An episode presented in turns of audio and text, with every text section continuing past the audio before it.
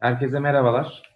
Öncelikle hem bugün bu ortamda bizlerle bulunan konuşmacılarımıza hem de yayını izleyen değerli katılımcılara merhabalar diyerek yayını açmak isterim. Ee, ve bu dönemde hem fayda sağlamak hem farkındalık yaratmak için yaptığımız bu yayına davetimi kırmadığınız için de e, ayrı ayrı sizlere çok teşekkür ediyorum. Bugün alanında öncü, uluslararası proje üreten çok değerli isimlerle birlikteyiz. E, Refik Anadolu, Mehmet Kızılay, Fatih Gündoğdu ve Arda Yalkın bugün bizlerle beraber. Sizler zaten onları tanıyorsunuz aslında. Ancak ben adetten olduğu üzere e, kendilerinden birazcık kendilerinden bahsetmelerini rica edeceğim. E, Fatih Bey sizinle başlayalım. E, bize birazcık kendinizden bahseder misiniz? Ne yaptığınızdan? Peki, teşekkürler ben. Tabii ilgilendiren kısmıyla başlayayım. E, benim bilgisayarla tanışmamdan e, itibaren e, tarihi başlatayım. 1986 yılında Amstrad 128 kW'lık bir makinayla başladım. Ee, ve e, 91 yılında Mimarlık Fakültesine girdiğim zaman da tasarımla tanışmış oldum.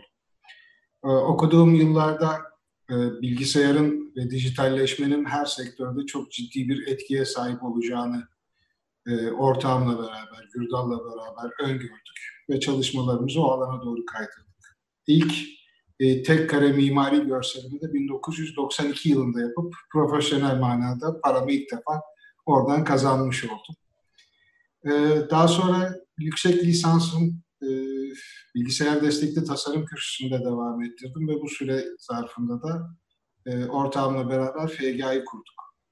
Ağırlıklı olarak yapı sektörüne yönelik yazılımlarla başladık ancak geçen 20 küsur, 25 küsur yıl içerisinde e, portföyümüzü ve hizmetlerimizi geliştirip e, FG Medya ile de çok e, bizler için e, renkli, değerli e, bir alana da birkaç sene önce hizmet vermeye başladık.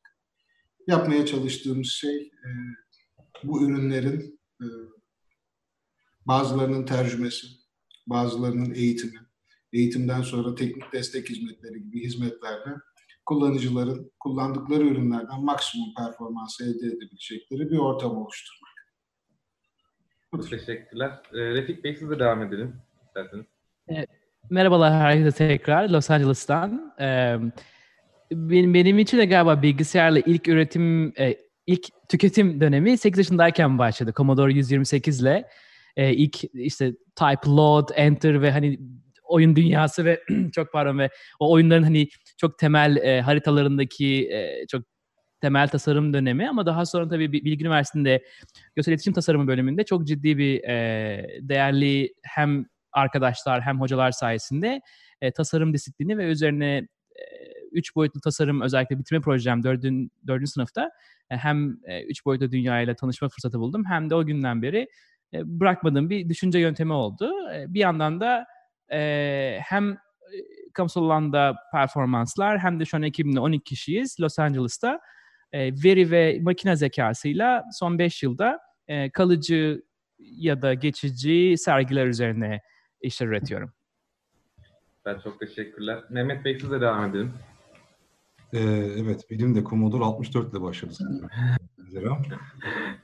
E, orayı hızlıca atlıyorum sadece oyun oynadım zamanında. Ben e, biraz garip aslında. Ben denizcilik mezunuyum. E, o kariyere de başlamıştım. İyi de giden bir kariyeri bıraktım aslında ben. E, kendi sektörüme çok geç girdim. E, gemi brokerlığı ve gemi sigortacılığından direkt olarak e, dijital medya prodüksiyonu master yaparak yurt dışında. E, Türkiye'ye geldim direkt. E, önemli anekdotlardan bir tanesi galiba Türkiye'de kart vizitinde motion graphic artist yazan ilk kişi değilsem de ilk birkaç kişiden biriyim. Ee, işte Record isimli bir stüdyom var. E, yurt dışı ve yurt dışı reklam projeleri ve e, televizyon ve e, sinema projeleri için görseller üretiyoruz genel olarak. Süper, çok teşekkürler. Arda Bey siz de devam edelim. Benim de Commodore 64 bayağı uzun oldu. Ondan sonra şey lisede teknik ve endüstri meslek Anadolu Teknik Lisesi'nde okudum şey elektronik bilgisayar bölümünde. Ee, oradan işte PC'ye geçtim ama şey benim hayatım hep e, müzikle başladı aslında. Müzik yap, yani gitar çalıyordum ben. Gitardan ondan sonra stüdyo tasarımı yapmaya başladım. Türkiye'deki ilk e, dijital dublaj stüdyolarını falan kuruluşunda tasarımında çalıştım. E, Ondan sonra yaklaşık sanırım 2005-2006 senesinde sahne görselleri tasarlamaya başladım. Ee, yani o, o Türkiye'deki ilklerden e, biriydi herhalde ama en şey olduğunu biliyorum. İlk değilsek bile en çok e, e, sanatçıyla çalışan bizdik. İşte Şebnem Ferah, şey Sertab Erener, Pentagram, Mor ve Ötesi. Yani aklınıza ne gelirse o zamanki bütün sahne şovlarını biz tasarladık. 2010 senesinde sanırım ilk yaptığım bir müzik videosu vardı. İşte bu MTV'de falan yayınlandı. Bayağı güzel tepkiler aldı. Çilekeş için yapmıştım. Katil Dans diye bir video. Ondan sonra bir iki sergi teklifi aldım işte video ile ilgilenir misin falan. Bana hiç şey gelmiyordu. Yani video, YouTube, ben commercial hani yapıyorsun, reklam yapıyorsun, para kazanıyorsun, işte kırıyorsun, işte para kazanıyorsun falan. Ee, video sanatı diye bir şey hiç aklıma gelmiyordu yani böyle bir şeyden e, kariyer yapılacak ama e, ilk sergim katıldıktan sonra e, bir anda işte Contemporary İstanbul'a çağrıldı, davet edildim özel bir seçki orada.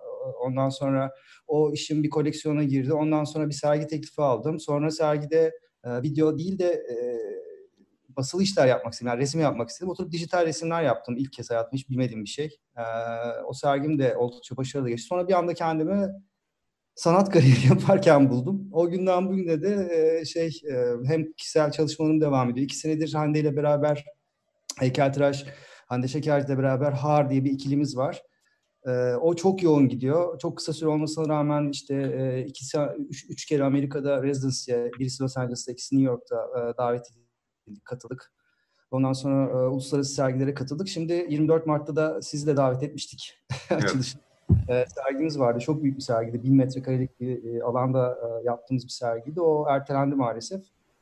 E, bunun yanı sıra şey, e, sosyal sorumluluk projesi olarak da sanatçıların yani dijital sanatla, dijital e, teknolojide hiç ilgilenmeyen genç plastik sanatçıların e, bu teknolojiyi tanıması gerektiğine inanıyoruz ve onların e, öğrenmesi, bunu öğrenmesi için çeşitli e, etkinlikler gerçekleştiriyoruz, eğitimler gerçekleştiriyoruz ve onlara e, bu teknolojiyi anlatmaya çalışıyoruz.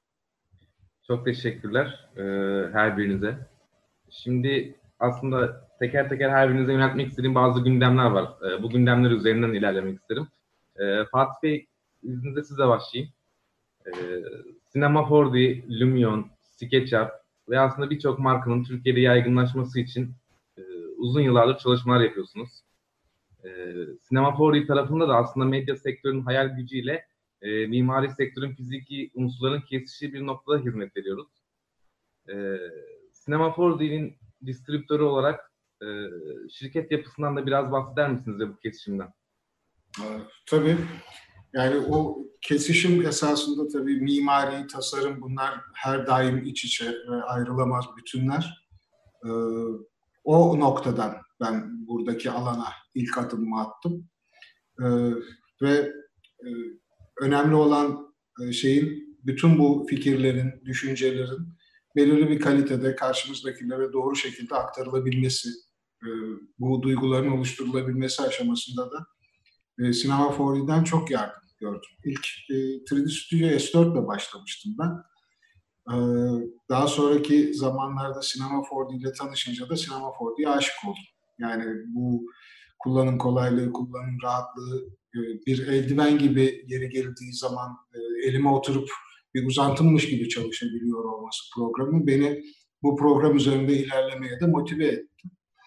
Elbette e, sektörün farklı bir alanında ilerlemeye başlayınca e, bu ürünlerle ilgili e, bu ürünü de biz portföyümüze katmak istedik. Sadece mimari görselleştirme için değil elbette. E, bütün e, farklı üç boyut ihtiyacının söz konusu olduğu sektörlere de hitap etmeye başladık. Ee, şirket yapısı olarak hala ağırlıklı olarak yapı sektörüne hizmet veriyoruz. Yani e, yüzde 80-90 civarında e, ürünlerimiz yapı sektöründe ama e, FGA Medya olarak da hizmet verdiğimiz dijital tasarım alanında daha odaklı, daha hizmet ve servis odaklı çalışacak bir yapıya doğru da yavaş yavaş gitmeye başladık iki sene önce. Ee, özellikle e, sektörün ihtiyacı olan bazı buluşmalar ki e, Mehmet Bey e, bizi kırmadı, e, bizimle beraber oldu bu sektör buluşmalarında. E, ilk demeyeceğim ama gerçekten de katma değer sağlayabilecek e, bazı şeyler yapmaya başladık ve devam etmek arzusundayız. Berk mikrofonu. Çok teşekkürler. Ee, şimdi peki Cinema 4D'nin üretici firması Maxon e, aynı zamanda Redshift ve Redgiant ürünlerini de e, geçtiğimiz bu yıl geçtiğimiz yıl satın aldı. E, şu an Türkiye distribütörü olarak e, Maxon'un ciddi anlamda bir kabuk değişimine gittiğine şahit oluyoruz. E, biraz bu yapılanmadan gelecekte bizi neler bekliyor? E, biraz bunlardan bahsedebilir misiniz? Benim de bilmediğim bir şey varsa ben de öğrenmek isterim şimdi. Şimdi ben ben de tabii bunları merak edip sorduğum zaman genellikle aldığım cevap eğer sana söylersek seni öldürmek zorunda kalırız şeklinde oluyor yurt dışından. Ee, ancak e, bir filmden alıntı yaparak e, şey yapabilirim buna. E, bir yerde bir düğün olacağını, bir köyde düğün olacağını bilmiyor olabiliriz ama ibarelerinden bazı şeyleri çıkartabiliriz. İşte orkestra ayarlanmışsa, çiçekçideki bütün çiçekler satın alınmışsa, efendim catering firmasıyla bazı ilişkiler kurulmuşsa o köyde bir düğün olacağı fikrine gidebiliriz. Bu köyde daha çok düğünler olacak. E, Sinema 4D'de çok güzel gelişmeler olacak. E, özellikle e, yeni açılan e, bazı geliştirme merkezlerimiz var. O bölgelerde e, yapısal, yazılım sektöründeki bazı yapısal değişikliklerden dolayı e, çok kaliteli yazılımcıların boşa çıktığı, e, piyasanın içerisinde dolaşmaya başladığı yerlerde Maxon'un ofisler açtığını görüyoruz, göreceğiz. E, bu değerli beyinleri katmaya devam edecek Maxon ve e, dijital üretimde iş akışı içerisinde e, birbirini tamamlayan e, unsurların e, bir çatı altında toplanıp bu düzenin streamline edilmesi, düzenlenmesi yolunda ciddi yatırımlar olacak. Ne olacak? Net bir şey söyleyemem çünkü e, bu işler genellikle çok üst seviyede şirketlerde e, bitiyor. E, ve e, böyle büyük satın almalarda Nemeçek grubunda vesairede e, bir gün gelen maille biz bu tarz şeyleri genellikle öğreniyor oluyoruz. E, en üst kademelerdeki dostlarımıza telefon açtığımızda hani insan bir haber vermez mi diye sorduğumuzda genellikle aldığım cevap ben de bugün öğrendim oluyor.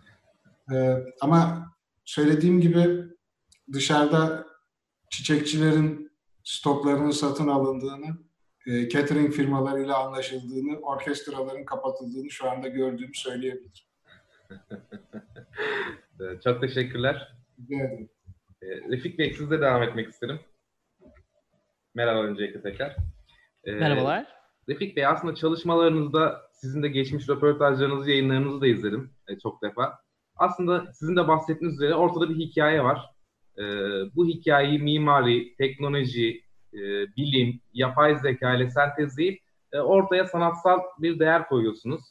E, nitekim e, Walt Disney konser salonunun yanlış hatırlamıyorsam Rüya Görme projesi de e, bunları bize yansıtan bir projeydi. Biraz buradaki süreçlerden, bu hikayeden birazcık bize bahseder misiniz? Tabii. Ee, ya as- aslında çok çok anlamlı bir şekilde fikrin ta temeli 2008 yılına dayanıyor. Ee, o zaman Bilgi Üniversitesi'nde yüksek lisans e, öncesinde e, burslu bir öğrenci ekibimiz vardı. Yani aslında bu, bu ekibin e, ha, bir şekilde tasarımla ilgilenen bir e, bir grup insan aslında hem e, burs karşılığı çalışması gerekiyor hem de işte bir yandan projeler üretiyor bir küçük bir ekibimiz, bir ekibe dönüştük aslında. Orada çok birbirimizi eğittik. O dönemde aslında bu programları öğrenebildik. İşte ilk motion grafik üzerine belki e, VCD zaten kendi başına çok fazla üreten, düşünen ve speküle eden bir e, bölüm olduğu için o, o kültürden aslında e, geliyorum ben de. E, o ekibin e, içinde olan biri olarak 2009 yılın 2008 yılında aslında hem ülkemizde hem de aslında Avrupa'da be, hemen hemen o ilk jenerasyon olan e, video haritalandırma yöntemiyle Santral İstanbul cephesinde bir projeksiyon yapmıştım. Acun Aktürk'le beraber. O dönemde aslında hem Cinema 4D hem de BBV isimli bir program kullanıyorum şu an işlerimde. 12 yıl olmuş şu an aslında. E, bu, bu programın e, en büyük e, belki artısı hem espresso gibi yani e, görsel programlama dili gibi kullanılabiliyor hem de daha kompleks formları e, eş zamanlı grafiklerle hareket ettirmek vesaire e, denemeleri yapılabiliyordu. O yıllarda aslında başladı. Disney World projesi de aslında o yıllardan beri bir hayaldi. Yani bir, bir, bir yapının aslında e, gelecekte sadece beton, cam ve metalden e, öte daha e, karmaşık objelerin, hayallerin, fikirlerin bir parçası oldu. Blade Runner filmi gibi aslında 2019 Kasım'ı e, Los Angeles'ındaki uçan arabaların medya cephelerinde görüldüğü e, holografik ya da bir şekilde medya teknolojisinin bir binanın parçası olduğu hayal aslında. Disney Hall projesi aslında onu oradan gelen e, bir hayal. Hatta bu arada Central İstanbul projesinde de Cinema 4D ile e, bütün cepheyi tekrardan modellemiştik. Emrah Olat o zamanki e, üç boyutlu modelini vermişti. Onu tekrar mografa aktarıp sıfırdan modelleyip V4'da onu hatta e, kullanabilmiştik, maplemiştik. Bu arada 2008 yılında herhangi bir şekilde Watch dışında da bir haritalandırma programı vesaire yoktu. O yüzden V4 dışında bir opsiyonumuz da yoktu. O da ilk ürettiğim sanıyorum hani e, projeye özel yazılımdı. E, tabii Disney World projesinde 42 projeksiyonumuz vardı. Dis Central İstanbul'da bir projeksiyonumuz vardı. Arada çok fazla fark oldu ve e, yaklaşık 29 e, bin piksel yatay, 19 bin piksel dikey görselimiz vardı. Her bir cephe kendi başına e, UV'lenmiş bir halde ve e, 6 tane e, projeye özel serverdan görüntüler DDS formatında. Bu arada böyle bir ölçekli bir projede artık hani bir video kullanamıyorsunuz. E, ve de e, ve projeksiyonların kendi işte color gam, e, renk gamutu vesairesi hani böyle olabilecek maksimum Hollywood seviyesine çekildiği için işte e, 12 bit e, pardon hatta 16 bit e, EX, EXCR 32 bit kullanamadık bir şekilde çok fazla yer kaplıyordu. Hani bayağı böyle hani nerd seviyede her bir imajı, her bir e, görseli tasarlamak gerekiyordu. Enteresan bir deneyimdi ama hayal aslında bir yapı öğrenebilir mi? Yapı hayal görebilir mi üzerineydi.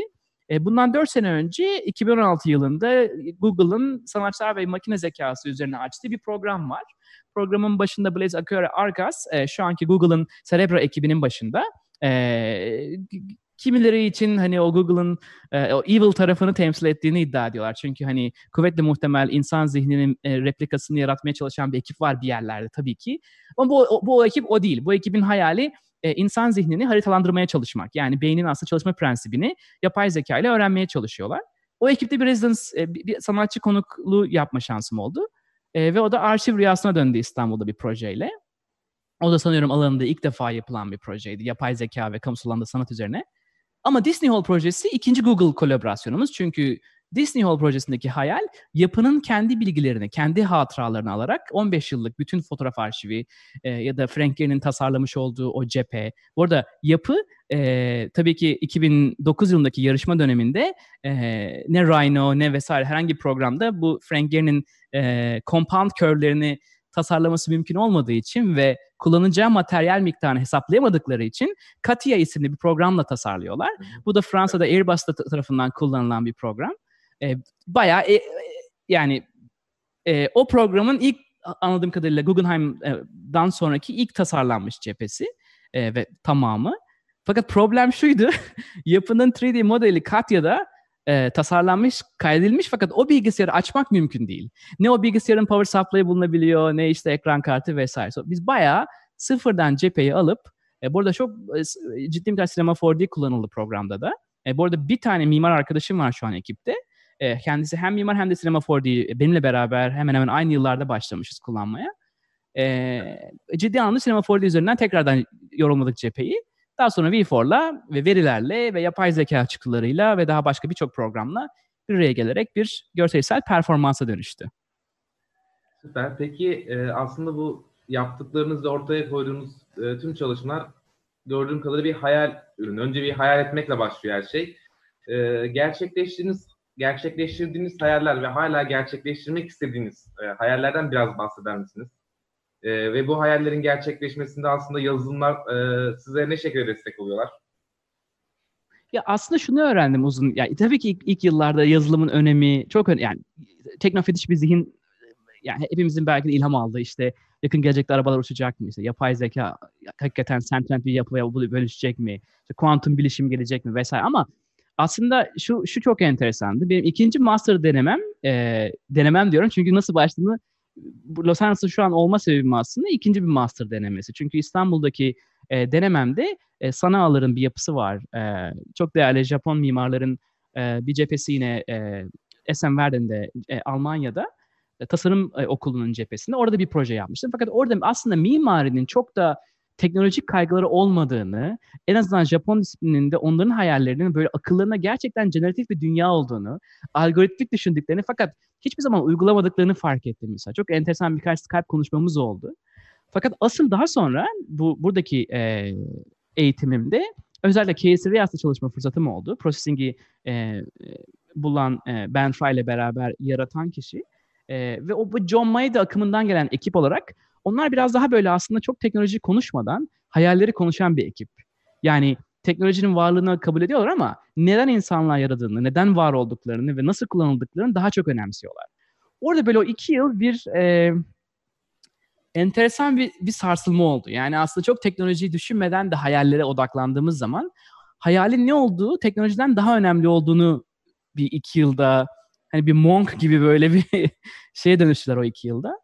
Ee, orada en çok onu fark ettim yani. Aslında hayalin kendisini yani hayali gerçekliğe dönüştürme sırasında başımıza gelenler e, aslında bütün hikayeymiş. En azından kendi adıma motivasyonu buldum, tutkuyu bulduğum yer.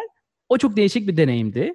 Ee, çok az program konuşuldu, çok az algoritma konuşuldu ama daha çok neden, niye ve yani nasıl en sona bırakılan bir şeydi yani. Neden ve niye tahminen çok ciddi miktarda fazla tartışılıyordu. O çok enteresan bir deneyimdi. E, öğretici bir deneyimdi. Ee, bir e, yorum aldım şimdi. 26 yaşındayım. E, yeni başladım bu işlere. Sizce başlamak için geç mi kaldım diye. E, siz ne düşündünüz bu konuda? E, ben Amerika 26 yaşında taşındım. Ee, yani taşındığında her şeyini başlıyor gibi hissediyordum. bir de bir kullanıcımız e, Refik Bey acaba Vex ile Expresso'yu e, karşılaştırdığında nasıl yorumlar e, diye sormuşlar. Çok pardon duyamadım. E, bir kullanıcımız e, Refik Bey Vex ile Expresso'yu karşılaştırdığında nasıl yorumlar e, diye sormuşlar. Ee, şimdi dürüst olmak gerekirse hem iki dünya stüdyomuzda çok ciddi kullanılıyor. Çünkü bazı programların bazı yetileri diğerine göre daha fazla. Özellikle son dönemlerde büyük veriyle çalışıyoruz. Yani imaj arşivleri mesela 6 milyonluk bir imaj arşivimiz var diyelim. Bu 6 milyonluk imaj arşivi bir, bir e, sinir ağından geçiyor ve her bir imge e, mesela işte VGG e, 16 diye geçen, NASNet diye geçen, işte Inception diye belli bir takım e, imaj tanımlama algoritmaları var. Bunlar bu imgelere bir e, koordinasyon tanıyor. Mesela bir imge bir veri uzayında 3 boyutlu bir hale gelebiliyor. 1024 e, boyuttan. Mesela ve tabii ki o, o imgeye ait bir koordinat elde ediyorsunuz. X, Y, Z koordinatında mesela. Mesela Espresso'yu en, yani direkt Espresso kullanmasak bile ama direkt içindeki script e, dünyasında Cinema 4D'nin mesela e, ciddi miktarda bu verileri alıp Python'dan çıkan verileri e, üç boyutlu bir halde Cinema 4'de çok kullanıyoruz. Dolayısıyla e, bence Vex Espresso bu dünyada çok benzer şeyler yapabiliyor. Daha da enteresanı bence yeni zamanda şu an e, çok paylaşmak isterdim ama e, vesaireden dolayı paylaşamıyorum ama aynı zamanda V4 üzerinden de benzer şeyler yapmaya başladık. Yani imaj sekansları gibi Python üzerinden veri, veri satırlarını Cinema 4D'ye geçirip yine tanımlayıp yine bir, bir gezegen yaratabiliyoruz aslında. Bu çok çok enteresan e, yani Python dünyasını açtığımız zaman aslında ben script dünyasını açtığımız zaman Cinema 4D'ye e, bütün veri dünyasını aslında bir daha işleyebiliyoruz. E, o yüzden kişisel olarak hala Vex üzerine hani Espresso'yu direkt olmasa bile script dünyasını pozitif olarak des çok kullanıyorum günlük hayatta. Çok teşekkür ederim. Tekrar döneceğim. Ee, Mehmet Bey'e devam etmek isterim şimdi.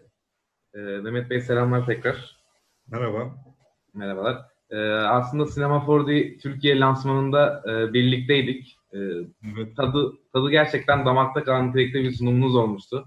Ee, özellikle HBO için yaptığınız Silikon Vadisi animasyonu e, yapılan işin insanları çevresine topladığı, bir araya getirdiği uzun sürede konuşulan bir iş olmuştu. E, YouTube'da hakkında yorumlar yapılmıştı. E, çokça üzerinde de şeyler yazıldı. İnsanların keşfettiği farklı şeyler oldu. Biraz buradaki süreçten e, ve bu süreci sizden dinlemek isteriz. E, nasıl gerçekleşti? Ee, Silikon Valley bizim için evet birçok kapıyı açan bir iş oldu aslında isterseniz. Ee, ki yani e, şu an elimizde olan birçok şey de yoktu. Cinema 4D'nin erken bir versiyonuyla yapmıştık onu ve ben onu e, neredeyse tek başıma yaptım diyebilirim. Yani belli bir noktadan sonra yardım aldık falan. E, normalde Türkiye piyasasında herhangi bir iş için e, yani 10 saniyelik bir iş için e, bir buçuk iki ay harcayacağız deseniz hani sektörde gülerler size. O 10 saniyelik bir iş için biz bir buçuk iki ay harcadık. Ee, ama şey çok tabii şeyin çok e, etkisi var. E, şovun yaratıcısı Mike Judge çok e, iyi bir beyin kendisi. O, biliyorsunuzdur muhtemelen Beavis ve Butthead'in işte Office Space'in, işte Idiocracy'nin e, yaratıcıları aynı zamanda. Kendisi çok hani e, edgy bir kafası var ve e, iyi bir content yaratıcısı. E, bir taraftan da aslında zaten e, title'ların bu kadar e, konuşulmasının başka bir sebebi de o atıyorum. E, Facebook'un skandalı çıkıyor işte Ukrayna seçimlerine vesaire falan katıldığıyla ilgili. E, sonra işte title'daki Facebook yazısı Kiril alfabesiyle yazılıyor falan. Hani sadece yani narratifinde de, contentinde de, içeriğinde de, anlatısında da e, ciddi bir hikaye var ve bunun hepsini 10 saniye içinde e, anlatıyor aslında. Yani bizim yaptığımız ilk sezon versiyonunda öyleydi. Yani çok ciddi bir kronoloji vardı orada. E, bütün e, işte Silikon Vadisi'nin, Palo Alto'nun residential e, bir şeyden, e, yapıdan e, işte teknolojinin başkenti haline gelmesi sürecini anlatan bütün o işte şirketlerin batması çıkması, ufak anekdotlar, e, bölgeyle ilgili özellikle Kaliforniya ile ilgili küçük hintler, espriler falan bunların hepsini koyduğun e, ama bunların hepsinin 10 saniye içinde gözüktüğü böyle hint gibi bir glimpse gibi e, gözünüze çarpıp bir anda ben ne gördüm, neydi o, tekrar mı durdursam, tekrar mı baksam. Zaten blog postları, işte şeyler, YouTube videoları var kare kare durdurulmuş hep. Ve neler var neler yapılmış falan diye bazı şeyler vardı, postlar vardı internette. E, o bakımdan tabii şey de çok enteresan bir e, challenge'tı bizim için. Çok e, uğraşırken çok eğlendik, çok yorulduk ama bir taraftan da e, çok güzel bir şey çıktı ortaya. E, ve yani dizi dizi zaten iyi, e, yaratıcısından dolayı, ekibinden dolayı falan ama e, title'ın yani jeneriğin kendine ait bir personası oldu. Her sene o jenerikte ne olacağına dair e, işte merak uyandırdı. E, biz biz bu arada sadece ilk üç sezonunu yaptık. Ondan sonra ana stüdyo Yuko'ya e, teslim ettik. Ondan sonra onlar devam ettiler.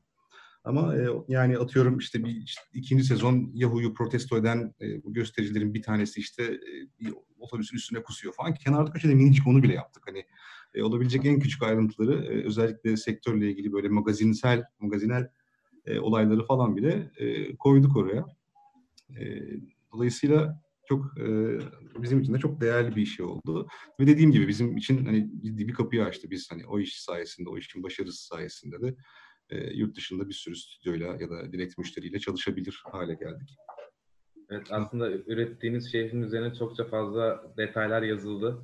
Ee, çokça fazla yorumlar yapıldı. Hatta e, siz yanlış hatırlamıyorsam düzeltin lütfen e, lansmanda Apple binasını galiba gerçekten daha önce bitirmişsiniz. Tabii mimari görselleştirmeleri vardı. Ee, biz ona bakarak e, Apple binası sanki Palo Alto'da yapılmış gibi e, şey dizinin jeneriğinde e, bir minyatür modellemiştik. Onun gibi işte, işte, işte bu Sun Microsystems'dan satın alınan yeni Facebook kampüsü, Google'ın işte bütün her tarafı e, şey güneş panelleri dolu meşhur kampüsü falan onların hepsini birebir modellemiştik falan. E, değişik bir maceraydı gerçekten. evet. E, yurt dışına aslında işler yapıyorsunuz bu bağlamda. Peki bu süreçleri uzaktan yönettiğiniz dönemler oldu mu? E, yani bu uzaktan yönettiğiniz dönemlerde e, işleriniz arasından ayrıca sizin en beğendiğiniz iş hakkında biraz bilgi verir misiniz? Bize paylaşır mısınız? Zaten özellikle de ben işte bu yaklaşık 4 ay önce Londra'ya taşındım. Benim hayatım her şeyi uzaktan yönetmek oldu. Türkiye ekibim çalışıyor Türkiye piyasası için. Orayı uzaktan yönetiyorum. E, Londra'dan hala Amerika ile çalışıyorum. Oraya uzaktan iş yapıyorum. Dolayısıyla böyle bir remote bir insan oldum ben. E, yani bir sürü tabii avantajı oldu Türkiye'den Amerika'ya iş yapmanın. En güzel tarafı da aslında galiba insanlar uyurken tasarım yapıp ben uyurken revizyonlarımın gelmesiydi galiba. e, çok işime gelmişti açıkçası. Ee, bir taraftan tabii Londra'dan da burada hani remote olarak Türkiye piyasasında daha çok reklam yapıyoruz tabii. Türkiye'de çok ciddi bir hani film ve e, dizi jeneriği, dizi title'ı piyasası yok. Yeni yeni başladı bu arada ve güzel örnekler çıkmaya başladı. Onu takip ediyoruz. Ama çok ciddi şekilde böyle bir piyasa genişliği olmadığı için daha çok Türkiye'ye reklam yapıyoruz. Ee, yani sev, sevdiğim iş, bütün işlerimi seviyorum gibi klişe bir şey söyleyeceğim. Tabii ki öyle. Ee, özellikle Arda ve Refi'ye göre ben çok daha ticari kontentle ürettiğim için sevmediğim iş çok yapıyorum. Dolayısıyla bunların arasından bazı işler tabii e, sıyrılabilir. Genelde tabii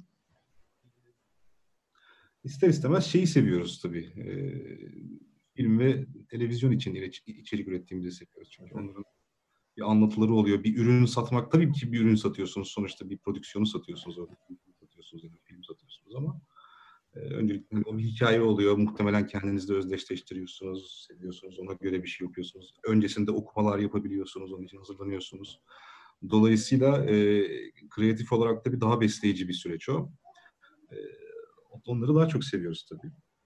E, ama tabii hani bir taraftan da benim güçlü kasım renkli şeyler e, genelde böyle ışıldayan e, dünyaları seven bir insanım. Dolayısıyla reklama yakışan bir bir de tarzım olduğunu hep düşünmüşümdür. Oradan da çıktığı oluyor muhtemelen ama hani direkt bir şey şu iş şimdiki yıldızımız bu yeni Silikon Valley falan gibi öyle bir şeyim tabii yok. Ee, genelde her yaptığımız iş tabii yani hakkı vererek yapmaya çalışıyoruz. Her, her bir işiniz çok güzeldi. Ee, elinize sağlık. Peki bu işlerde Cinema 4D'yi sıklıkla kullanıyorsunuz. Ee, genelde pipeline'ınızda ana tool olarak kullandığınız ürünlerden bir tanesi.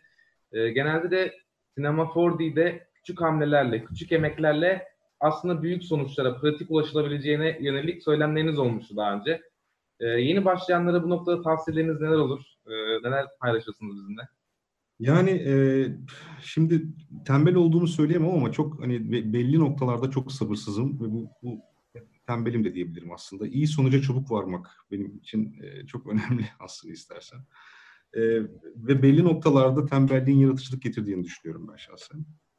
E, dolayısıyla böyle iyi, güzel bir şey yaratmayı seven insan bir birisi olarak onu hemen görmek istiyorum. Artık benim yani e, ter basıyor bir süreç uzarsa. Dolayısıyla hızlıca, basitçe çözmeyi çok seviyorum tabii her şeyi.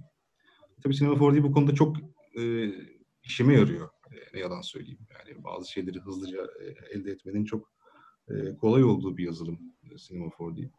E, özellikle bu Amsterdam'da hatta bu IBC'de özellikle e, bunun üstüne yoğunlaşmıştım. Yani ne kadar basit şeylerle aslında e, production value'su olan şeyler e, üretebileceğiniz asıl e, konum. Hep de aslında bunu savunuyorum. Ben oldum olası çünkü 3D'den e, üç boyutlu görsel yaratmaktan e, imtina ettim çok uzun süre. Yani istemedim. Çok komplike geliyordu bana. Hani hani bırakın skriptlere girmeyi vesaire falan. Ben hani 2D iyi, okey ben seviyorum. Yeter bana gibi düşünüyordum. O yüzden çok fazla basit başladım. Ee, onu da çok ciddi şekilde komplikeleştirdiğimi söyleyemem aslında. Ee, bu kadar zamandan sonra hala basit şeyler güzel yapmak aslında birazcık hikayem. Ha tabii yani e, komplike işin güzelliğini tabii ki tartışmak e, mümkün değil. O, o, ona büyük saygım ve sevgim var tabii. Ama ben e, çok beceremiyorum. Benim güçlü kasım galiba e, basit şeylerden e, güzel şeyler yaratabilmek diyeyim. Kesinlikle. E, yani çok teşekkürler. E, biraz Arda Bey'e devam edeceğim. Arda Bey selamlar, merhabalar. Şu an... Merhaba. Merhaba tekrar. Ee, daha önce iki yayın yapmıştık aslında sizle beraber. E, Dijital Dünya Sohbetleri platformunda. Ve aslında sanatın dijitalleşmesi üzerine konuşmuştuk biraz. Ee, sizinle çalışma imkanı yakalayıp kendi sergisini açan sanatçılar var. Ee, benim de şahsen tanışma imkanı olan. Ee, sergilerine gittim. Ee, on, orada yaptığı projeyi deneyimleme imkanım oldu. Ee, siz de Sinema 4D'yi aktif kullan, kullandınız ve bu süreçlerde onlar da e, Sinema 4D'ye entegre oldular. E, bu konuda yaptığınız çalışmalardan biraz bahseder misiniz? Ya şöyle, şimdi aslında bu yaşadığımız dönem çok iyi bir katalizör oldu bu konuyla ilgili. Aslında şeyde başladı ya bir, bir gün bir Contemporary İstanbul'dan sonra birisi Türkiye'nin en o zamanki şu anda yayın yapmıyor ama en e, önemli sanat yayınlarından bir tanesinde işte dijital teknolojinin aslında ya dijital sanatın aslında sanat olmadığını ondan sonra aslında Hollywood'da bizim yaptığımız işlerin hepsinin zaten yapıldığını ve çok daha iyi yapıldığını dolayısıyla ne gerek olduğunu e, dijital teknoloji öğrenmek yerine işte insanın hocalarını dinlemesi gerektiğini falan anlatan e, çok affedersiniz saçma sapan bir yazı yazmıştı. E, ben de kendisine sosyal medyadan cevap verdim. E, o işin öyle olmadığını yani aslında hani bir araç bu sonuçta. E, sonradan da şey e, bizde e, bir e, buna karşı savaş vermeye başladık. Neden? Çünkü e, kendi işlerimizi kullanmak üzere işte bizim bir e, büyükçe bir e, atölyemiz var. Bu atölyede biz sadece dijital işler üretmiyoruz. İşte e, Hande tanıyorsunuz onun işte bir heykel atölyesi var. Benim diğer işlerimi de orada gördüğüm bir ortamım var ve zaman zaman beraber çalıştığımız arkadaşlarımız oluyor. İşte genç arkadaşlar bize asistanlık yapıyorlar ya da işte bir sormaya, bir şey öğrenmeye geliyorlar. hepsinin ortak şeyi plastik sanatlarla e, ilgili eğitim veren okullarda dijital teknolojiye karşı bir düşmanlık oldu. Bu şey değil yani ilgisizlik değil, bayağı düşmanlık. Ee, yine ailemizde insanlar var. Güzel Sanatlar Fakültesi'nde okuyor. Mimar Sinan'da işte dijital kalemlerle çizim yapmalarına bile müsaade edilmiyor. Bu kadar basit bir teknolojiye bile. Bunun sebebi de işte e, şey o sanat değil şeklinde. E, bu şey yapıyor. Çok garip bir e, dengesizlik yaratıyor. Türkiye'den bahsediyorum. Başka bir ülkede böyle bir şey görmedim şu ana kadar. Ee, yani bir yanda inanılmaz bir sanat eğitimi alan, e, senelerce dirsek çürüten, okuyan bir e, genç nüfus var. Ee, ve bu genç nüfusun dijital teknolojiye tamamen yabancı. Bu öyle bir üretim biçimini bilmiyorlar ve reddet, reddetmeleri öğretiliyor onlara. Öte yandan da e, sanat eğitimi almadan benim gibi, ben de arkeoloji okudum. Yani çok basit temel bir eğitim aldım ama kendi kendine bir şeyler öğrenmeye çalışan ve sanat eğitimi olmadığı için de aslında sadece görselliğe, düşünmeye değil de görsel, demin Refik'in söylediği şey teknik bir tür tatmin üzerine sadece üretim yapan insanlar var. Bu tarafta yani sanat üretimi, sanat eğitimi alan insanların inanılmaz bir dezavantajı var. Ve seneler ilerledikçe bu teknoloji konusundaki bilgisizlikleri onlara çok kötü sonuçlar doğuracağını düşünüyorum. Çünkü çok hızlandı teknolojinin e, gelişim hızı, e, aralıklar, işte bilgisayarların hızlan şey e, güçlenme aralıkları falan çok kısalmaya başladı ve sürekli yeni teknoloji geliyor. E, biz bile mesela işte e, kendi iş yaptığımız alanların, üretim yaptığımız alanların yavaş yavaş bazılarını yapay zekaya kaptırıyoruz. Biz bile işsiz kalıyoruz bazı alanlarda, bizim sektörümüzdeki insanlar bile. Bu anlamda da biz bu böyle bir mücadele vermeye karar verdik. E, Bugüne kadar e, bir takım eğitimler düzenledik. En, en sonuncusu işte şeydi sizin de e, sponsor olduğunuz e, UNHCR'la beraber işte 5 Türk, 5 e, mülteci sanatçıyı bir araya getirip hiçbir şey bilmiyorlardı dijital teknolojiyle ilgili. Ne olduğuyla ilgili hiçbir fikirleri yoktu. Onlara birer laptop verdik. E, bir motion capture e, sistemi getirdik. Ee, bir de şey, e, Cinema 4D verdik ve işte 15 gün boyunca kapandık. Bakın bu bu işte point'tir, bu vertex'tir, işte bu Cinema 4D'nin e, işte efektörleri bilmem nesi anlattık ve 15 gün sonunda bir sergi çıktı. Benim bildiğim, iletişim halinde olduğum 10 kişiden 3 tanesi şu anda e, ikisi sanatçı olarak sergilerini açtılar ve gerçekten şey hani çok kısa bir zaman oldu ama birisi işte uluslararası bir sürü sergiye katılıyor, bir sürü yerde işleri göster ödüller aldı. Bir tanesinin en son bir sergisi vardı. O çok beğenildi, çok güzel yazılar yazıldı. Bir tanesi de profesyonel olarak bir atölye kurdu ve işte dijital değil, dijitali kullanarak gerçek heykeller üretmeye başladı. Burada şeyi gördük. Gerçekten insanların 3D ile aralarındaki bariyer karışık gelmesi. Yani korkuyorlar gördükleri zaman. Ee, ben de şey hatırlıyorum. 3D Max'i ilk açtığım zaman ekranda gördüğüm ya da Maya'yı ilk gördüğüm zamanki halimi hatırlıyorum. Ama şey e, e, Cinema 4D'de 3-4 gün içerisinde bu şey gidiyor. Yani çok arayüzü çok basit. Beni de kendine çeken oydu. E, gerçekten kullanılması inanılmaz kolay, e, inanılmaz e, kullanıcı dostu ve yeni eklentilerde daha da e, şey oldu bu. E, gelişti. Böyle yani şey e, o korkuyu insanların yenmesi için uğraşıyoruz ve e, sanırım e, Semafor'da çok yardımcı oluyor bize bununla ilgili. Ee, aslında e, şimdi gelen sorulara da bir yandan bakıyorum. Ee, işte Maya kullanan var, Blender kullanan var, ee, çok sayıda farklı programlar da var aynı zamanda. Ee, işte ama kullanıcıların bazılarının memnuniyetsiz kaldığını programlardan gördüğümüz noktada e, Sinema 4D'nin hangi yönlerinin kuvvetli olduğu konusunda siz neler söylersiniz? Ya da sizin, sizin hayatınızı kolaylaştıran taraflarından bahsedebilirim aslında yani şu program iyi, bu program kötü falan yani 3D Max'te e, yapılan dünyada bir sürü şey var. Bir Maya ile yapılan bir sürü şey var. Hepsinin çok güçlü olduğu taraflar var. Ee, bence Cinema 4D'nin e, motion design yani e, motion grafiğe çok uygun. Efektörleri işte çok kısa sürede işte e, şeyler yapabiliriz. İşte eklentiler içinde mesela X-Particles inanılmaz bir şey e, eklenti şeye e, Cinema 4D'ye. Ee, Dediğim gibi en güçlü tarafı motion design tarafı. Yani e, çok kısa sürede çok kısa sürede işte binlerce e, binlerce nesneyi bir araya getirip istediğiniz yönde hareket ettirip istediğiniz şeyi verebiliyorsunuz. Çok şey e, o anlamda çok iyi. Ama mesela e, işte atıyorum UV ile ilgili bir de şu tarafı çok güzel Sinema Ford'un bunu çok seviyorum. Kullanıcı inanılmaz dinliyor. Bir sürü eksiği var. Her programın bir sürü eksiği var. Ama Sinema 4D kullanıcıdan gelen en küçük şeyi bile değerlendiriyor. Onu biliyorum. İşte atıyorum UV'ler problemliydi. 22'de şimdi hallolmuş. İnanılmaz bir şey. Dün e, baktım. E, gerçekten çok iyi olmuş. Ondan sonra işte Viewport'ta problem vardı. Mac'te problem yaşıyorduk. E, bu yeni şeyle bir baktım. işte metal desteği inanılmaz hızlanmış. Bu şey de çok güzel. Bu tarafı da çok güzel. Çok teşekkürler. Ee, şimdi biraz da aslında üzerinde oldukça e, konuşulan, e, yatırım yapılan e, bir konu, yapay zeka konusu hakkında bir konuşmak isterim. E, yapay zekaya e, geliştirmeye ve geliştirmeye teşvikler aslında artarak devam ediyor.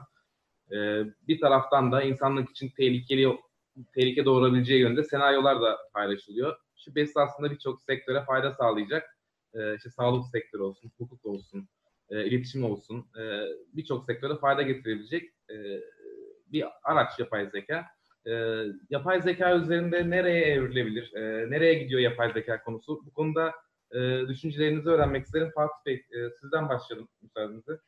Ben öncelikle Arda Bey'e bir ekleme yapmak istiyorum müsaadenle Berk'cim. Şeyde e, hani UV'deki sorunlar çözülüyor, Viewport'taki bazı geliştirmeler devam ediyor. Bu esasında bundan 6-7 yıl kadar önce başlayan bir büyük bir projenin parçası. Sinema 4D'nin çekirdeğini en modern çekirdeklerden bir tanesi olmasına rağmen yeniden yazıyoruz. Ve bunu yazarken de kullanıcıların iş akışlarına müdahale etmemek için çok akıllıca bir yöntemle yapılıyor bu.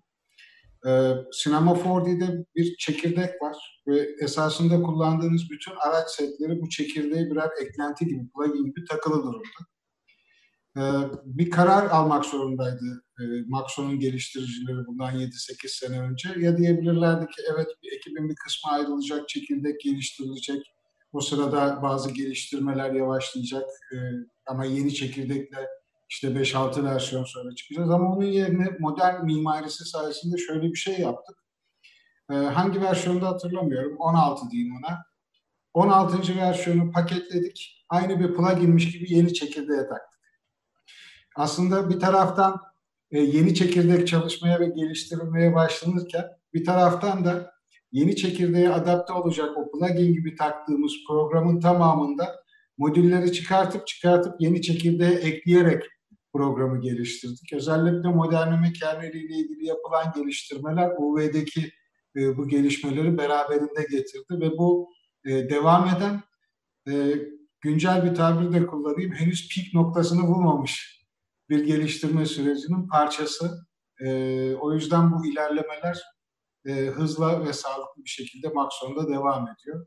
Onu da paylaşmak istedim sizlerle. Ya ben şeyi de merak ediyorum. Daha Redshift ve işte şey e, Red Giant yeni. Onların üçünün birleşiminin ne olacağını inanılmaz merak ediyorum. Yani çok, Onu çok... ben de merak ediyorum. Teorilerim var. Ben sorgulamaya çalışırım ama sonuçta geri dönemeyebilirim başta söyleyeyim. Vallahi bilmiyorum. After Effects'e rakip bir şey gelecekmiş gibi geliyor bana aynı zamanda. Öyle bir şeyim var, hissiyatım var. Bekliyorum bakalım. Ha, bilemiyorum diyeyim. Yani şeyle ilgili, yapay zeka ile ilgili de e, bu kadar bu hususta çalışmış e, insan varken ben sadece şunu söyleyebilirim. Yaklaşık 3 sene önce bir konferansta galiba gene bir konu masaya gelmişti. Ben yapay zekayı e, insanlık tarihindeki ateşle biraz eşleştiriyorum. Yani ben o kadar büyük bir ilerleme, o kadar büyük bir gelişme olduğunu, olacağını düşünüyorum. Ee, nereye varacak işte bu e, komplo teorileri vesairelerini bilmem ama ateşle ne yaptığımız bizim elimizde olan bir şey. Ondan meşale yapıp yolumuzu aydınlatabiliriz. E, veyahut da engizisyonlar kurup insanları yakabiliriz. Yani bu tamamen bizim elimizde. Ama e, bu çok büyük bir gelişme, çok büyük bir ilerleme. Benim görüşüm Refik Bey siz de devam edelim. Biraz yapay zekadan siz de bahsedebilir misiniz? Evet. Kesinlikle katılıyorum bu arada Fatih Bey'de ve hani şöyle çok enteresan bir durum var bence. En azından e, mesela 3 sene önce In Goodfellow diye bir e, o zaman önce OpenAI daha sonra Google'la çalışan bir mühendis tarafından bu Generative Adversarial Network denen aslında yapay zekanın daha generatif bir dünyaya girmesi sağlanıyor. Ve daha sonra ilerleyen müthiş bir dünya açılıyor. Yani yapay zekanın da belki de en yaratıcı pro- proseslerden bir tanesi bu yani. Şey, metin dışında akan imaj e, odaklı dünya için. Ama tahmin edebilirsin, kesinlikle katılıyorum bu arada. Yani hani sonuçta teknolojide başımıza gelecek şeyler sorularımızla ve hani nasıl kullandığımızla ilgili, amaçlarımızla ilgili. Ama mesela bir yandan da pratik dünyada baktığımız zaman yani şunu şu, şu çok özgür yani zaten şu an özgür irademiz sorgulanıyor değil mi yani? Şu an bu, bu programı izleyen insanın önüne çıkan banner'dan, gittiğimiz yoldan, yediğimiz yemekten, gittiğimiz yolda yiyebileceğimiz yemekle, tanışabileceğimiz arkadaşla, konuşabileceğimiz konularla, dinleyebileceğimiz müzikle zaten bilinçaltımız çok teknik olarak violation açık bir haldeyiz zaten insanoğlu olarak. Hani o, o, o bence oradaki korkuların Elon Musk dünyasının dışında da bence çok hani pr- pratik bir tarafı var tabii ki. Yani açık yani insan zihni ve e, bilinçaltı teknik olarak yeni bir sisteme açılıyor yani. Bu, bu, bu tahmin edilebilir bir dünya ama bunun dışında optimizasyon dünyasına baktığımız zaman mesela şu an Facebook ekibiyle bir proje üzerine çalışıyoruz. E, kendileri 3D Cycle Gen yani Facebook özellikle son dönemde üç boyutlu denemelerini açık kaynaklı bir şekilde ve yapay zeka üzerinden paylaşmaya çalışıyor. Hani tahmin edersiniz işte gezerken şeyde e, browser'da olabildiğince her her bir imgeye e, 3D in painting denen bir teknik vermeye çalışıyor mesela. Bu açık kaynaklı bir halde şu an GitHub'da vesaire bulunabiliyor. O ekiple çalışıyoruz mesela şu anda. Hakikaten yani bir imge üzerinden, iki boyutlu bir imge üzerinden üç boyutlu dünya çıkarmak artık çok fazla zor değil. Özellikle hani hemen hemen instant yani. Mesela bunu şeyde düşünüyorum. Cinema 4D için ya da benzer programlarda kuvvetle muhtemel hani primitif et, eklediğimiz gibi dünyaya kuvvetle muhtemel daha yaratıcı primitifler eklemeye başlayabileceğimizi hayal ediyorum. Yani mesela işte bir e, masa hayal ediyorsak o masanın illa tradisyonel bir masa olmak zorunda olmadığını, mesela o masanın içine eklenebilecek başka bir bilgilerle o masanın daha ilham veren bir form olabilme ihtimalini. İşte hani şunu demek istiyorum yani aslında kuvvetle muhtemel primitif olarak baktığımız dünya yine kalabilecek belki ama o dünya yapay zeka ile kuvvetle muhtemel çok daha zenginleşecek daha ilham veren bir hale gelebilecek. Belki tek bir butonla ya tek tek bir varyasyonla ya da parametreyle bir anda hiç hayal görmediğimiz, düşünmediğimiz yani Gaudi ile Zaha Hadid arasında bir dünyayı belki de hani çok rahat ekleyebileceğiz bu dünyalara. İşte bu kısım bence çok heyecan veren bir nokta. Yani tabii ne kadar hızlı bu entegre edilebilir, ne kadar hızlı e, sonuçta bulut bilişim dışında bunu yapmak mümkün değil. Onu anladık yani. Hani sonuçta yapay zeka demek bir ciddi bir miktar verinin belli bir yerde belli bir şekilde kom, yani, e, bilişimden geçmesi gerekiyor ki size bir çıktı verebilsin şu halde. Ama acaba hani bu programlar kullandığımız bu yaratıcı programlar bize daha hani şey e, e, çok enteresan bir konuşma vardı. E, yakın zamanda Birleşmiş Milletler'de bir grup insan şeyi çok tartışıyorlar. Yani acaba dünya kuralları bir daha yazılmaya başlansaydı, her dilden yazılan bugüne kadarki tüm ahlak ve etik kurallar bir arada bir şekilde yapay zekaya verilseydi bundan çıkabilecek sentezin tekrar insanoğlu adına yani Birleşmiş Milletler adına bir etik guidance yaratılabilir mi sorusu var şu an. Çok açık halde paylaşılıyor.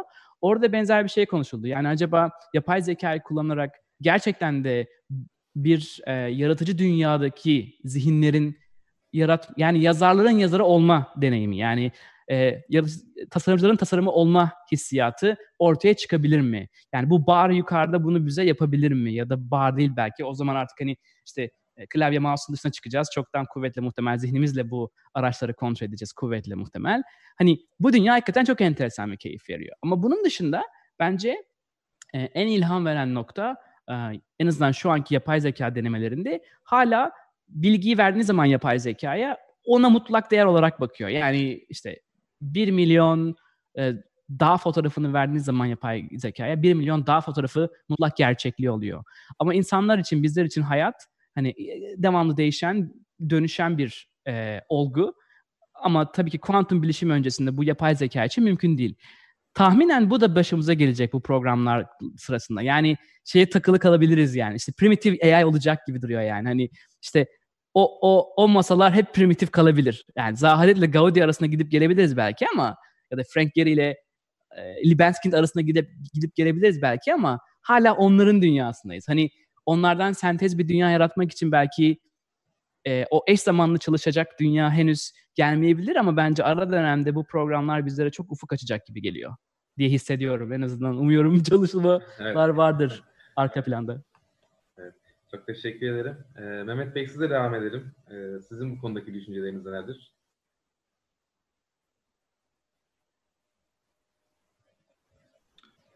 Evet, mikrofonumu açabildim. Evet.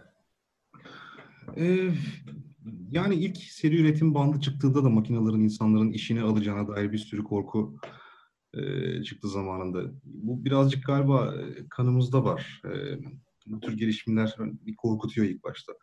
E, ben bu kadar fütürist yaklaşamıyorum. E, bu kadar da aslında yapay zekanın içine değilim ama sektörel anlamda e, çok ümit verici şeyler görüyorum sürekli. E, aletlerimizin hemen zaten içine giriverdi. Ve bu hani şaşırtıcı derecede hızlı gelişiyor zaten. Yani bir lafı edilmeye birkaç senedir. Şimdi işte render motorlarında kullandığımız denoiser'lardan tutun. İşte şimdi şu an biz mesela Cascadeur diye bir programla e, ulaşmaya başladık.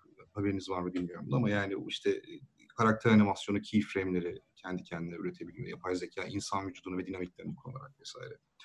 Yani sonuç itibariyle e, kısa vadede ben tabii ki öngörebiliyorum. Geri kalan her şey e, mutlu mesut ya da karamsar spekülasyonlar muhtemelen ki mutlu bakmak istiyorum şahsen. Ama kısa vadede e, ciddi şekilde işe yarar tool'lar e, ve bilgiye erişim, görsel olarak zengin e, content e, yani gerçekten işimize yarayacak bir şey gibi gözüküyor şu an aslında. E, yani buna daha çok yoğunlaşmak aslında benim işime geliyor ne yalan söyleyeyim. Çok teşekkürler. Ee, Arda Bey'le biraz devam edelim. Arda Bey sizin de bu konuda düşüncelerinizi öğrenmek isteriz. Öncelikle şeyi söylemek istiyorum ben. Ee, Mehmet'in e, söylediği işte e, üretim, otomatik üretim şey e, Ford'un üretim bandıyla işte insanlar işsiz kalacaklarından kork kor şey çok farklı bir dönemde yaşıyoruz kere. Yani zaten dünya nüfusunun çok büyük kısmı eğitimsiz bunun üzerine biz eğitimli insanları da e, işinden edecek e, bir teknolojiyle karşı karşıyayız. Ben pozitif ya da negatif bir şey söylemek istemiyorum. Yani e, zaman gösterecek sadece. Herkesin yaptığı, herkese spekülasyon yapıyor ama gerçeklerden bahsedersek yani olgulardan bahsedersek yine Mehmet'in söylediği gibi e, o söylediği teknolojiyi yani işte e, nedir? E, bizim de işimizde motion capture e, suite'imiz var. Orada motion capture'la bir şey kaydettiğimiz, kaydettikten sonra onu temizlemek için biz günlerce uğraşıyoruz. E, biz kullanmadık şimdiye kadar ama şöyle bir şeyin olabileceğini biliyorum. İşte aradaki e, keyframe'leri, eksik keyframe'leri silip ondan sonra bir e, programa verip onları işte e, otomatik olarak estimate etmesi e, ve ona göre size bir animasyon çıkarması. Burada aradaki mesela insanlar tamamen işsiz kalıyorlar. Benim tanıdığım sadece karakter animasyonu yaparak hayatını geçiren bir sürü insan var. Şimdi bu onların çok yakın zamanda işsiz kalacağına en büyük şey. Ee, ya da işte e, Substance Alchemist gibi. Ee, aslında hipergerçekçi doku üretimi çok çok emek gerektiren bir şey. İşte designer, substance designer'da çalışmak falan yani e, biz e, final ürünleri genellikle kullanıyoruz ya da işte final ürünleri birleştirip kendimizce bir şeyler üretiyoruz ama ee, orada çok ciddi bir emek var. Fakat bunu işte yapay zeka ile fotoğraf tabanlı fotoğraftan e, tahmin etmekle üretmeye başladığımız zaman ve bu yaygınlaştığı zaman yine o sektördeki bir sürü insanın işsiz kaldığını görüyoruz. Yine e, generatif işte e, nasıl diyeyimse oyun endüstrisinden mesela işte generatif binalar üretebiliyoruz. Bir anda işte şöyle şöyle e, özellikleri olan bir şehir. Ben şeyi biliyorum e, işte Nvidia'nın bazı çalışmalarını gördüm e, kamera görüntülerinden e, bir şehir oluşturma. Tabii şu an için imaj olarak oluşturabiliyorlar ama e, bu yakın zamanda e, 3D'ye de gelecektir. Zaten şey yapabilir, belli e, konstrüksiyondaki binaları işte e, Houdini'de mesela üretebiliyoruz. Kendimizce kendi karakteri olan bir şehri 3D üretebiliyoruz. Bu ne demek? işte repetitif işte oyun şirketlerinde oturup bina yapan, bina tasarlayan, onları modelleyen insanlar işsiz kalması demek.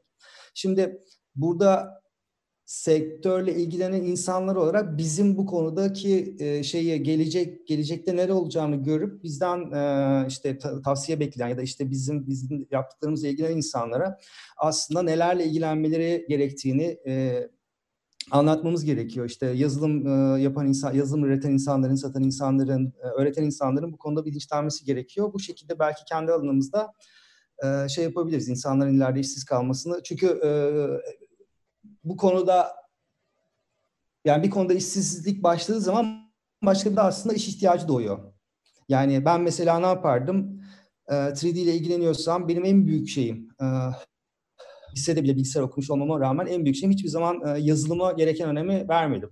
Mesela ben şu anda 3D olsaydım ya da ilgileniyor olsaydım bir yandan da mutlaka kod yazmayı öğrenirdim. Yani ben ufak tefek şeyler yapabiliyorum. İşte kendimce scriptler falan yapıyorum işte uyguluyorum ama e, gerçekten derin bir kod bilgisine sahip olmayı çok isterdim. Bu, bu tür şeyleri işte tartışmamız lazım. E, önemli bence bunlar. Evet, e, çok teşekkürler. Bir ekleme yapabilirim orada. Tabii. Müsaadenizle şeyde e, yapay zeka beni gerçekten heyecanlandırıyor söylediğim gibi. O ateş engizisyon meselesi de insanların işlerini kaybetmesi de ayrı bir soru işareti tabii. E, şeyde aslında yapay zeka pek çok yerde karşımızda şu anda. İşte Microsoft'un Flight Simulator'ı gelecek. E, onun içerisinde ciddi bir Azure altyapısıyla yapay zekanın kullanımı var. Bizim şu anda e, kullandığımız e, ve servisinde bulunduğumuz mesela mimari çizim programları var. Üç boyutlu e, parametrik modellemeler yapabildiğimiz. Orada o programlardan bir tanesinde örneğin merdiven komutu e, arka planda ufak çaplı bir yapay zeka çalıştırıyor ve bunun da e, kökenini navigasyon sistemlerinden alıyor. Siz merdiveni çizmeye başladığınız zaman o merdivenin şeklinin ideal olacak şekilde dengelenmiş vesaire nasıl olabileceği doğrultusunda bazı tahminlerde bulunuyor ve sizi yönlendirebiliyor, önerilerde bulunabiliyor. Şu anda şeyle başladığımı hatırlıyorum. 90'lı yılların ortasında belki hatırlarsınız iki tane proje vardı. Bir tanesi Brain projesi, bir tanesi de GAT projesi. GAT projesi enteresandı işte. E, internetin ilk daha e, internetten herkesin korktuğu dönemlerde işte Tanrı'yla yazışıyorsunuz, ona soru soruyorsunuz. O biliyorsa size cevap veriyor. Aslında bir taraftan sizin ona sorduğunuz her soru, onunla paylaştığınız her şey onun için bir input oluyor. Yani arka planda bir veri. Oralardan bir yapay zekaydı demek istemiyorum. Sadece değerlendirip süzüyordu. Oralardan geldiği noktalara baktığım zaman e, ben yapay zekanın benim yanımda olanını çok seveceğim gibi geliyor. ama benim adıma karar verip hani bana öneride bulunan yapay zekayı seveceğim ama karar verip bu böyle olacak diyeni pek tutmayacağım gibi bir hisse kapılıyorum. Bunu da belirtmek istedim. Çok teşekkürler. Bu arada e, ek olarak eklemek istediğiniz e, farklı şeyler varsa e, söz de verebilirim.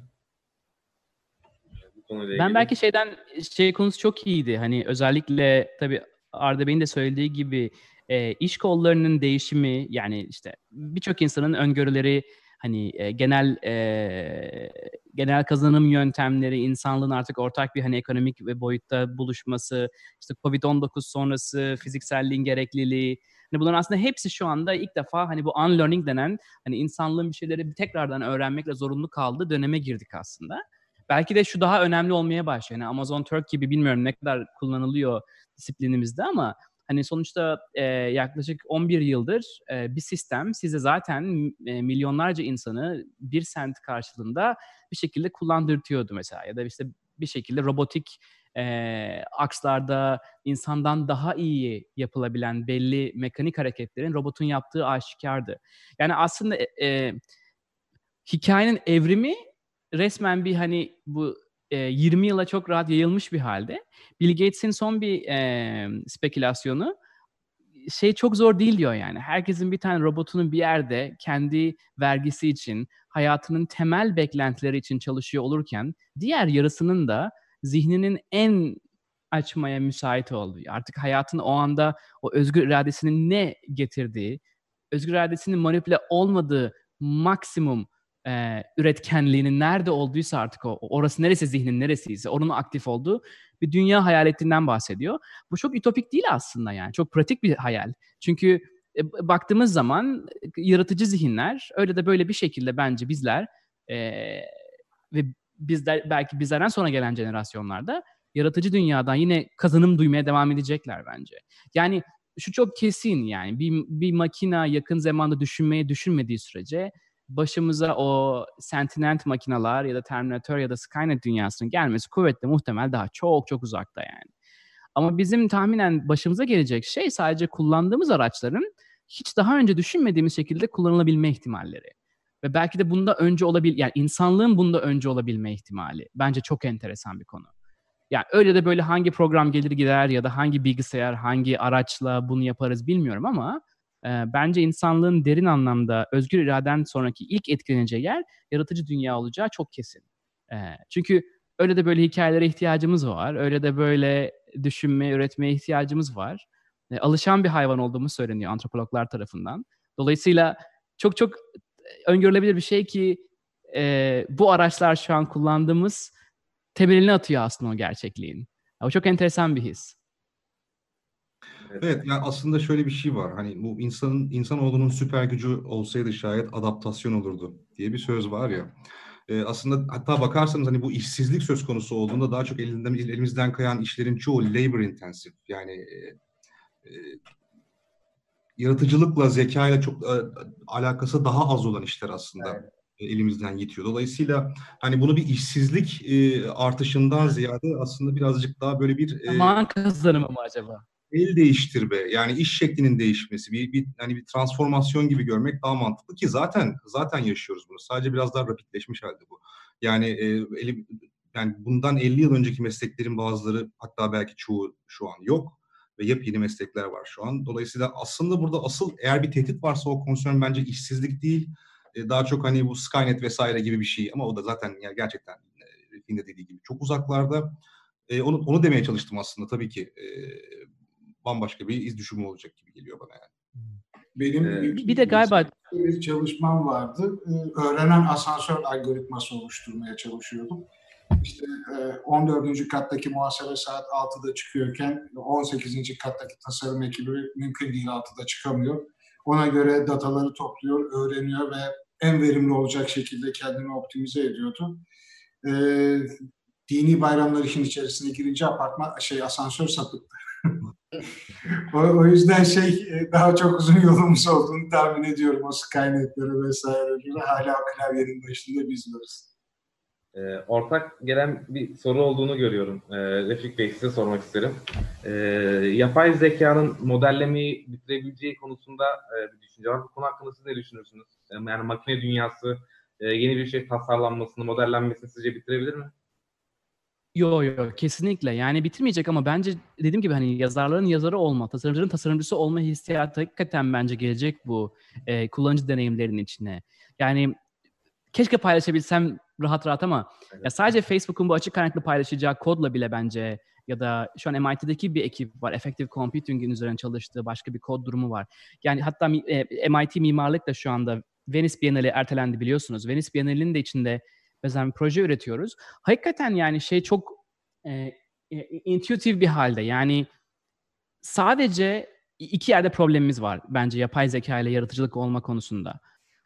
Mesela şu an Runway ML'de bir, bir, bir yazılım var. Ee, ben derslerin, bence e, pardon eğitime gelecektim demin cevap olarak aslında çok bence mantıklı geliyor. Çünkü sonuç olarak ne olursa olsun nasıl eğitildiğimiz ve bunları nasıl kullandığımı, kullanmayı öğrendiğimiz çok önemli. Mesela ben dersimde de Cinema 4D'yi işte 20 20 kalıcı lisansımız var. İşte 54 öğrenci bir şekilde laptoplarını vesaire öğrenci olarak kullanabiliyor. Ya şunu çok rahat görebiliyorsunuz. İlk defa bu programı açan bir zihin, daha önce keyframe ile uğraşmamış. İlk defa yani bir kullanıcı arayüzü geliyor karşısına ve bu bir dünya yaratıyor o kişi için değil mi? Ya bu bu arada yani Nuh'un gemisi gibi dersim. Hani çok kesinlikle hani bir kültür için de konuşmuyorum bunu yani. Çok kültürlü bir şekilde konuşuyorum. Hakikaten yani hiç yaş ve arka plan fark etmeksizin birçok öğrenci çıt diye hemen o, o, o dünyaya adım atabiliyor. Hayal kurmaya başlayabiliyor. Demek ki hani bu DNA gende öğrendiğimiz şey yani bu arayüz deneyimi bence şu an hani e, arkadan gelenler de ileride olanlar da bir şekilde hani bundan mutlu bir halde.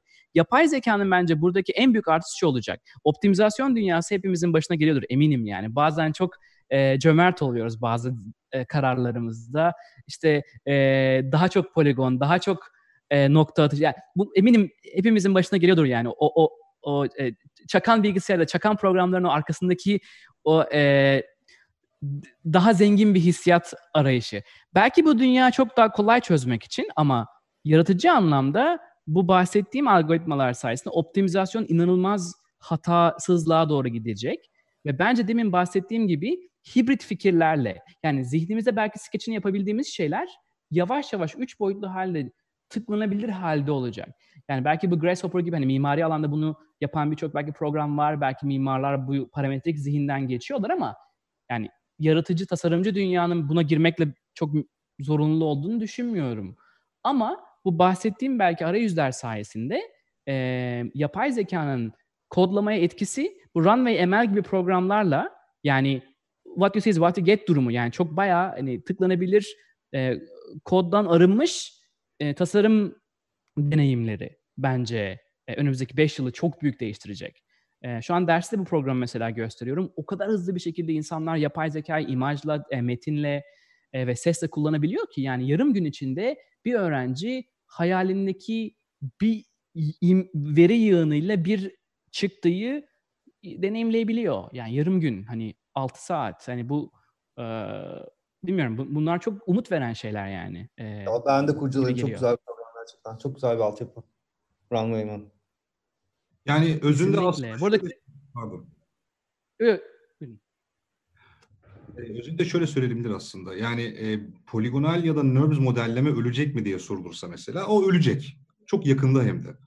E, ve tam aslında Refik'in söylediği gibi bunlar ya, anahtar kelime galiba burada arayüz hakikaten. Bunlar arayüz elementleri. Ve bunlar değişmeye mahkum, bunlar yok olmaya mahkum zaten. Yani sonuna kadar anchor point çekemeyiz. E, bunun kolaylaşması gerekiyor bir noktada. E, yapay zeka bence burada devreye girecek ama bu hakikaten e, iyi yönde etki edecek birçok şeye ve tam hakikaten düşündüğün şeyi hızlıca yapabilme, e, zanaat kısmını aradan çıkarabilme, yani 3D modelleme, sculpturing öğrenmek için harcayacağın şeyi daha çok kreativiten için e, o zamanı kreativiten için e, harcayıp daha kompleks modelleri e, üretmek için kendini zorlamak belki. E, bu tür aslında e, amaçlara hizmet edecek gibi geliyor bana. Yani, Bey size ek... E, buyurun Arda Bey.